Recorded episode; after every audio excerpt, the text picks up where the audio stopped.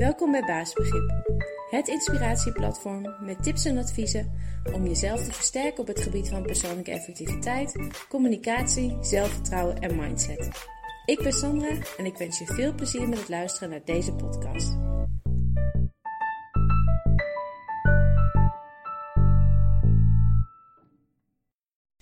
En deze keer krijg je in de blog en de podcast tips over het omgaan met uh, nou, iets wat ons dagelijks wel bezighoudt, namelijk e-mail. Uh, want e-mail speelt gewoon echt een belangrijke rol in ons leven. Uh, voor velen is mail het eerste en soms ook het laatste wat ze zien op een werkdag. Maar niet alleen werkgerelateerd, maar ook wel privé. Um, ja, het is natuurlijk een communicatiemiddel, maar ook een soort takenlijst. Vaak bepaalt de inhoud van al die mails die je krijgt ook wat je gaat doen die dag. Dus dit brengt eigenlijk wel een soort haat-liefde verhouding met zich mee, tenminste wel voor mij. Um, ik vind uh, bijvoorbeeld uh, bellen altijd een beetje spannend. ja, ik weet niet of anderen dat ook hebben. Um, ik heb er met name vooraf last van. Of nou, niet last is een groot woord, maar, um, maar vooraf denk ik altijd: oh, oké, ik moet bellen. tijdens, dan, tijdens het bellen dan gaat het wel weer weg. Ik hoorde laatst dat er wel meer mensen last van hebben.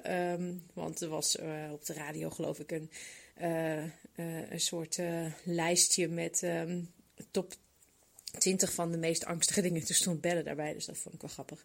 Dat ik niet de enige was. Maar in ieder geval, um, ik vind bellen dus altijd wel.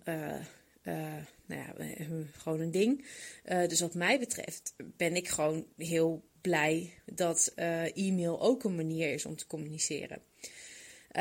Maar zodra echt elk klein dingetje gemaild wordt uh, en de tekst ook nog eens verkeerd wordt opgevat, omdat je gewoon natuurlijk niet de non-verbale ondersteuning daarbij hebt, ja, dan vind ik het echt gewoon nou ja, wat minder leuk worden. Um, en dan merk je ook dat e-mail niet geschikt is voor alle type boodschappen die je aan elkaar wil doorgeven.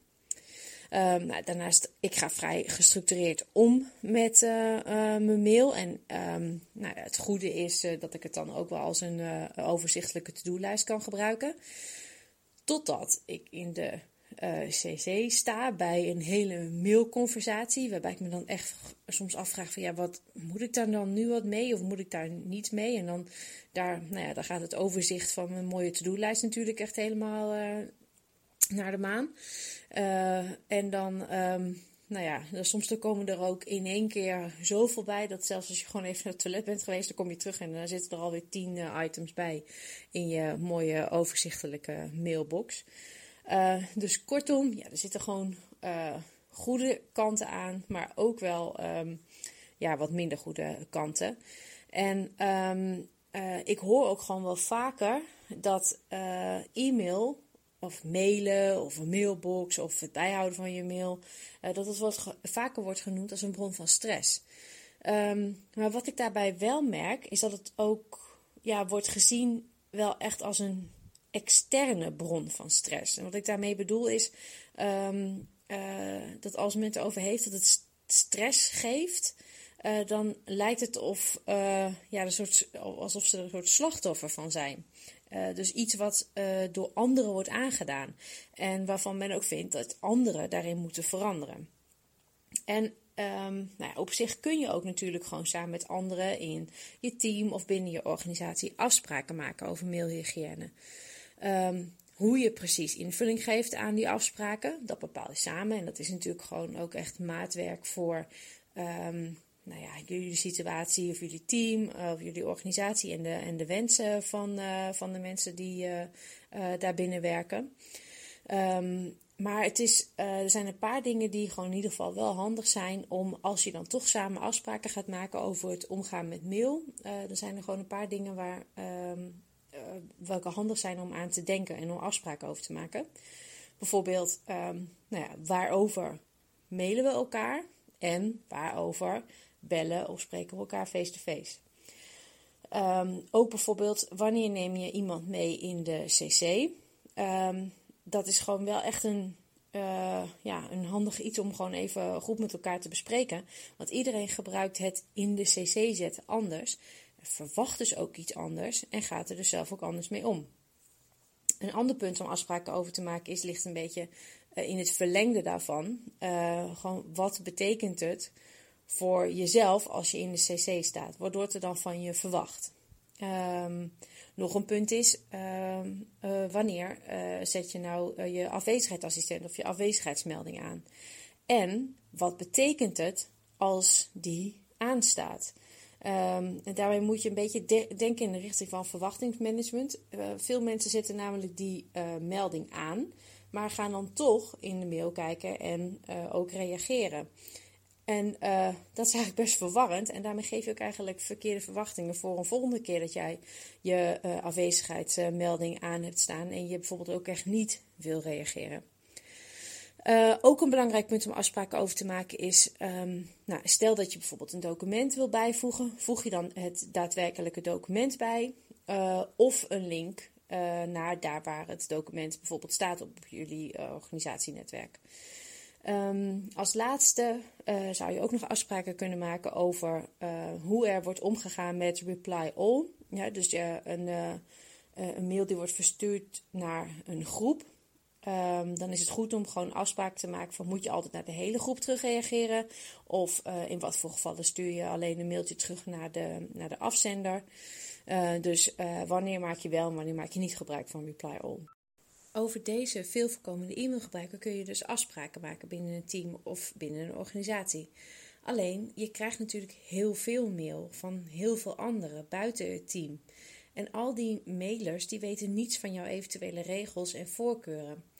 Dus als e-mail echt een bron van stress voor je is, dan vraagt dat een aanpassing van jouw eigen houding. Hoe jij ermee omgaat en hoe jij je erdoor laat beïnvloeden. Dat is gewoon ja, heel logisch. En dat kan ook niet anders, want je kunt gewoon niet aan de hele wereld laten weten hoe jij uh, graag uh, uh, ja, eh, om wil gaan met, met mailen. Zorg er dus voor dat je een manier vindt om er efficiënt mee om te gaan, zodat het jou gewoon niet gaat beheersen. En een paar eenvoudige tips daarvoor zijn onder andere: zet pushmeldingen of geluidjes uit, zodat je niet elke keer verleid wordt om naar een mail te kijken als je hoort of ziet dat er een nieuwe binnenkomt.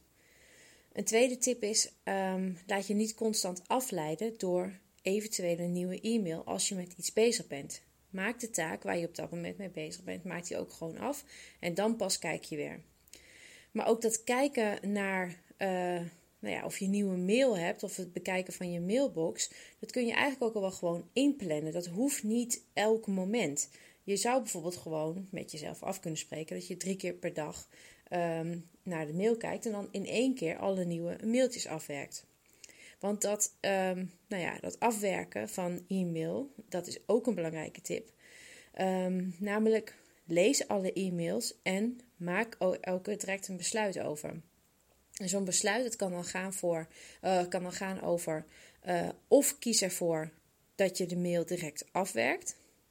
Of um, ja, stop hem in een aparte map als je hem toch even wil bewaren, maar je hebt hem verder niet meer nodig. Of gooi de mail direct weg. En het idee hierachter is, is dat het ja, half lezen van een mail en er dan toch nog maar even niets mee doen, dat kost uiteindelijk gewoon meer tijd. Simpelweg omdat je de mail dan steeds opnieuw moet lezen en ook steeds opnieuw moet nadenken, over moet nadenken van, ja, ga ik er nou wel wat mee doen en wat moet ik er dan mee doen? Um, als laatste tip, mocht er echt een grote opdracht uit de mail voortkomen, bewaar dan de mail en plan die opdracht gewoon in als taak in je agenda.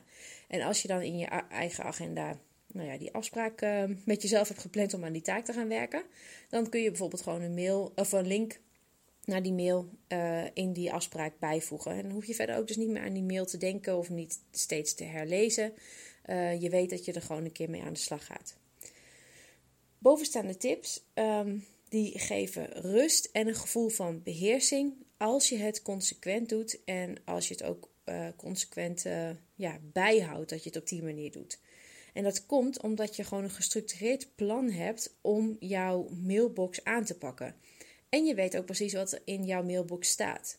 Want ja, onrust dat wordt toch heel vaak veroorzaakt door nou ja, het onbekende. En het niet weten wat je te wachten staat of wat je moet doen.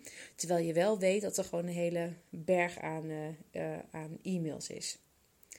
Nou, mocht dit uh, plan van aanpak of deze tips voor het omgaan met mail je nou geen rustig gevoel geven, dan is het wel goed om nou ja, toch even wat dieper te kijken naar wat de um, ja, stress nou eigenlijk veroorzaakt. Want mogelijk ligt het dan niet aan het fenomeen e-mail, maar speelt er gewoon iets anders en uh, ja, uit het zich alleen uh, bij e-mail.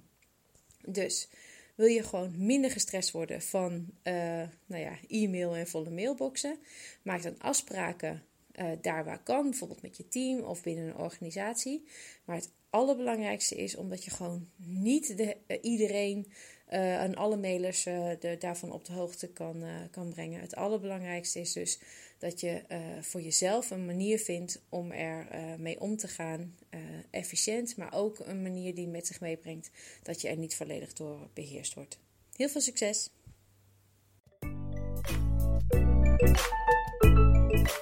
Bedankt voor het luisteren naar deze podcast. Ik hoop dat je het leuk en nuttig vond en dat je de tips kan toepassen op jouw manier. Heb je vragen? Stuur dan een mail naar info.baasbegrip.nl of neem een kijkje op de site www.baasbegrip.nl. Tot de volgende podcast.